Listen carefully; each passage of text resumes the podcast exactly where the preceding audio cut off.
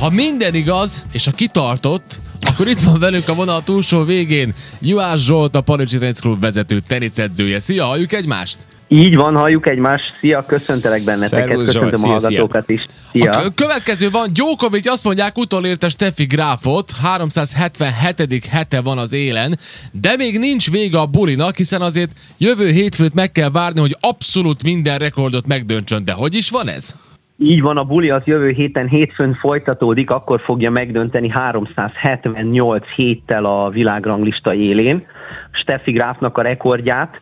Igazából a férfiak köz Federer rekordját már több mint egy éve megdöntötte. Nem is szokták hasonlítani igazából a férfiakat és a nőket, de már nem volt más rekord, amit megdönthet, így akkor elkezdték, elkezdték hasonlítani. Ugye azért szép a, a sport, bármelyik sport, mert mindig hajszoljuk a, a, a megdönthetetlen csúcsokat, meg az elérhetetlen csúcsokat. Hát most ez egy olyan mérföldkő, amit, amit sosem gondoltak, hogy egyáltalán valaki el fog érni, vagy meg fogja dönteni.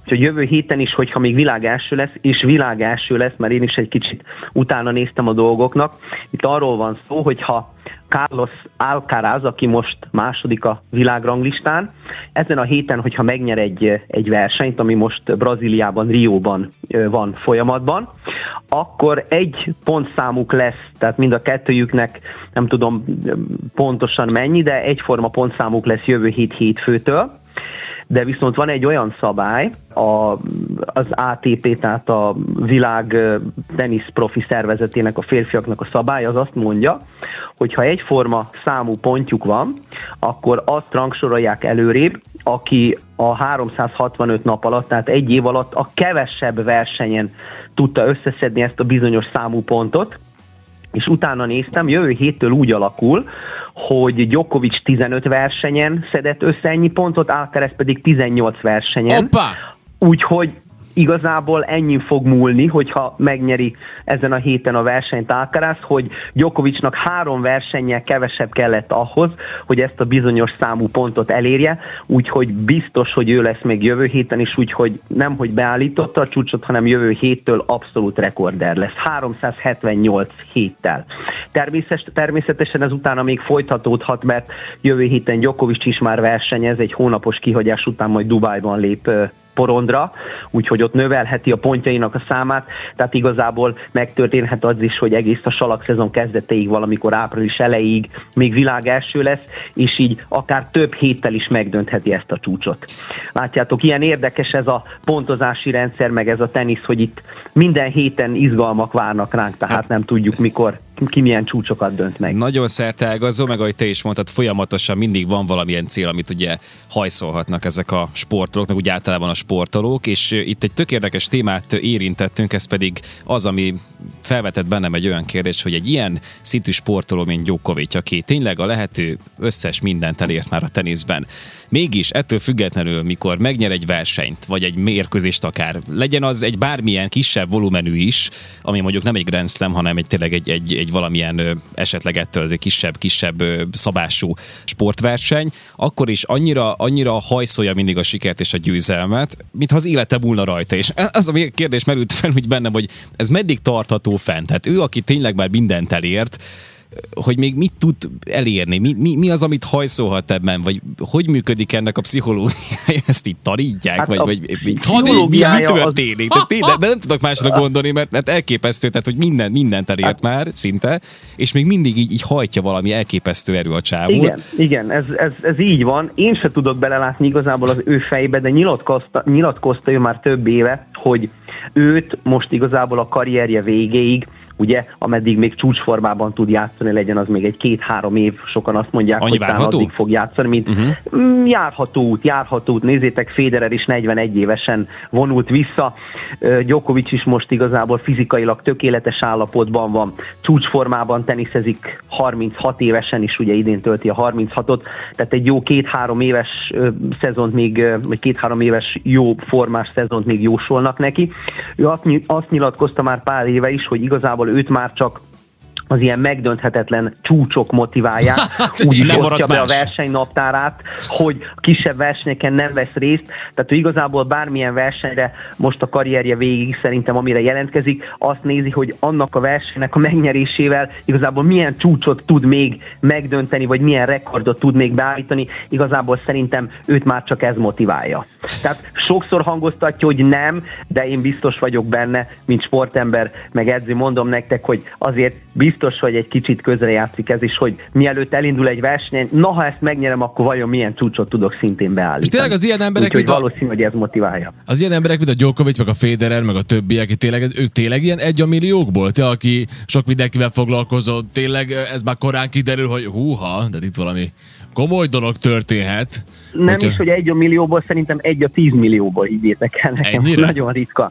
Nagyon ritka. Épp itt beszélgettünk a tanítványaimmal, meg a többiekkel a klubban, hogy lehet, hogy mi már nem fogjuk azt megérni, hogy Djokovicnak ezt a csúcsát valaki megdöntse. Tehát ez olyan ritka, hogy mondjuk egy évszázadban egyszer állít be egy ilyet. Lásd Steffi Gráfot, aki a 90-es évek végén, vagy a 2000-es évek, nem jól mondom, a 90-es évek elején állította be ezt a csúcsot. Nézzétek, 30 valahány évre volt szükség ahhoz, hogy valaki ezt megdöntse, nem is a hölgyek közül, hanem a férfiak közül. És ugye a mai világban azt mondják, hogy a férfi tenisz az kiegyensúlyozottabb, tehát sok egyforma kvalitású játékos van, tehát kicsi az esélye, hogy jó, ne legyen 100 év vagy 50 év, de az elkövetkező 30-40 évben, hogy valaki ezt a csúcsot egyáltalán megközelítse, nem hogy megdöntse. Tehát Akkor ez- ez, ez, mhm. ez, ez, ez szemtanúi, fültanúi vagyunk egy ilyen rekordbeállításának, és szerintem ez egy, ez egy óriási, óriási siker a részéről. Jó, akkor most kicsit jobban megértettük, hogy miért ennyire nagy dolog, mert azt látjuk, hogy minden úgy hozzák hogy wow, hú, ilyen nem volt még, de, de akkor, akkor tényleg ez egy ilyen dolog, hogy akkor jövő Ez hétfőn tényleg, ez tényleg. Ez, figyeljétek, amióta úgymond az Open éra, ezt úgy hívják, amióta a profikat és az amatőröket együtt versenyeztetik, 1971-2 óta, nem tudom is a pontos dátumot, tehát több mint 50 éve. Federer volt, aki a 2000-es évek közepén ugye elérte az abszolút rekordot, a 310 hetet. Uh-huh. Ugye? Na most érzékelt, érzékelétek, hogy mekkora itt is a különbség. Tehát nem, hogy megdöntötte Federer csúcsát egy-két héttel, hanem 310, meg ugye 378, tehát több mint egy évvel.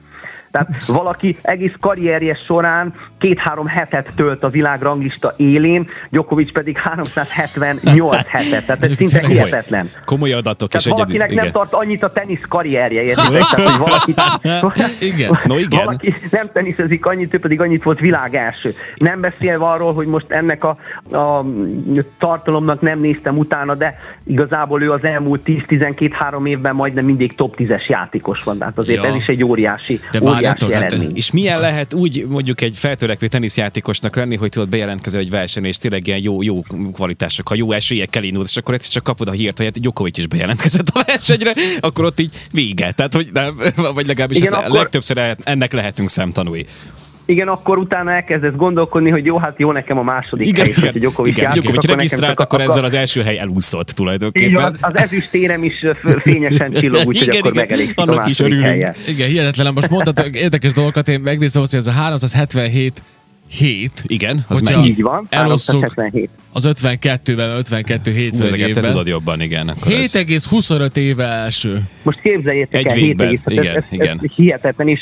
És mondom, tehát ez csak az első héten eltöltött, első pozíción eltöltött hetek száma, de hogyha megnéznénk, hogy mennyit töltött a top 10-ben, Hát, hát igen, meg, meg ha beszélni még a többi rekordjáról, akkor ezeket is sorolhatnánk, én azt gondolom elég sokáig. Említetted, hogy a Dubai torna következő, amin egyébként Djokovic is részt vesz. Ha már a tornáknál Igen, tartunk, igen. milyen fontosabb tornák lesznek, még most elsősorban a Grand Slam-ekre fókuszáljunk, melyik mikor lesz látható itt nálunk, és amiket nyilván már közvetítenek is a nagyobb sportadók. Ugye, igen, de jövő héten a Dubai torna, ami egy elég nívós, rangos verseny lesz, ott azért a top 10-ből szerintem egy 5-6-an részt vesznek, uh-huh. mivel elég sok pontot ad, és a pénzdíj is elég mutatós.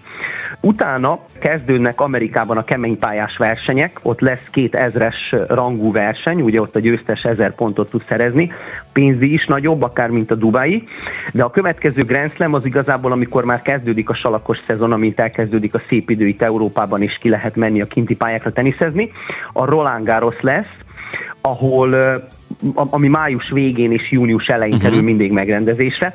Na, az lesz egy nagyon érdekes és nagyon izgalmas verseny, úgyhogy a tenisz fanoknak, meg a tenisz szeretőknek, meg igazából akik szeretik a sportot, érdemes lesz a TV, TV elé szegeződni.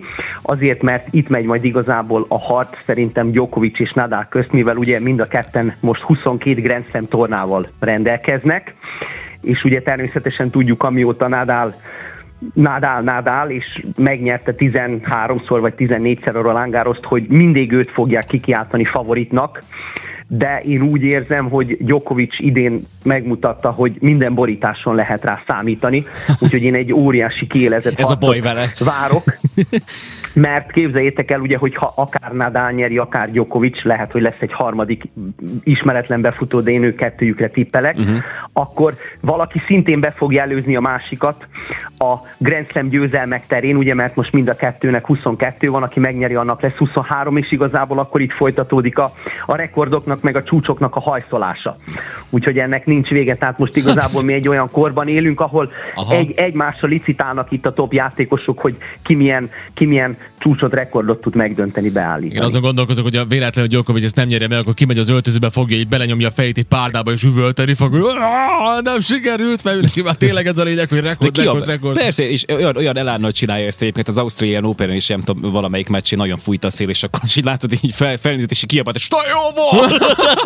Fel volt, fel volt bűzülve. Igen, igen, mert, igen, igen. mert éppen beleszólt ugye a természet. mindenkivel, hogyha nem megy a játék, akkor igen, magával is, meg a közönséggel is, meg az edzőistábbal is, de hát tudjuk, Djokovic ilyen néha higgadt, néha egy kicsit forró Jó, fejű, ez, de hát ez, te, ez teljesen normális. Na hát Van még egy érdekes dolog, én aki egy teniszmeccset sem néztem meg, számomra egy új információ volt, hogy ezek meddig Sohasem tartanak. késő még, sohasem Igen, késő hogy ezek meddig Tessék tartanak, és- nagyon sok És most volt, a, most volt a Djokovicnak valami olyan meccs, ami valami négy óra. négy-öt órás is szokott lenni, nem? Igen. Hát Amikor volt nagyon több kiegy... is, igazából, igazából ő az abszolút rekorddel egy Grand Slam meccsen, amikor Nadállal játszották 2010-en valahányban, nem emlékszem pontosan az évszámra, akkor 5 óra 53 percet voltak a pályán. Egy, egy újabb rekordról Tehát- beszélhetünk, ugye? Tehát, Így van, és ezt nem sikerült azóta se megdönteni Na Ausztrál. Openen, mint a leghosszabb meccs. Tehát én ugye edzősködöm, és reggel fölkeltem, elmentem, megtartottam egy edzést, ebédeltem, ezt mentem, megtartottam még egy edzést, visszajöttem, és még mindig játszottak. Tehát szinte ilyen, szinte ilyen, Nem ez, ilyen Zsolti- e- egész napos, bármikor bekapcsoltad a tévét, mindig ők voltak. Mondom, Nem ez, ez most volt- ismétlés, vagy még mindig élő, élőben megy. Emlékszem egy Tehát, ilyen eh, rekord hosszúságú hihetetlen. mérkőzés, lehet, hogy ez volt az, amikor, amikor a, a diátadó volt, akkor a műsorvezetők meg ugye emberek, fontos politikusok szólnak fel, a versenyigazgatók, stb. beszédeket tartanak, és ott volt egy ilyen momentum, hogy Nadal így kért egy széket, hogy szeretné csak leül, leülne egy kicsit. Mert, hogy Ez volt az, jól emlékszel rá, lába. igen, ez volt az, hogy nem, volt már tudtak, jól. nem tudtak a játékosok, a meccs után már nem tudtak a saját lábukon állni, annyira Ez kifáradtak, és kértek széket. Nadal kért először, nem bírta, utána amikor látta, hogy, hogy Djokovic, Djokovic is már össze akar esni, azért hoztak neki is egy széket. Óriási. Na hát ilyen ez a sport, ilyen, Ilyen ez a, a tenisz, sport, ugye? ilyen a tenisz, igen. Igen, igen. Ja, Juhász Zsolt, a Panicsi Teniszklub vezető teniszedzője volt itt velünk. Köszi szépen, Köszi hogy szépen, így van. Nagyon szépen velünk.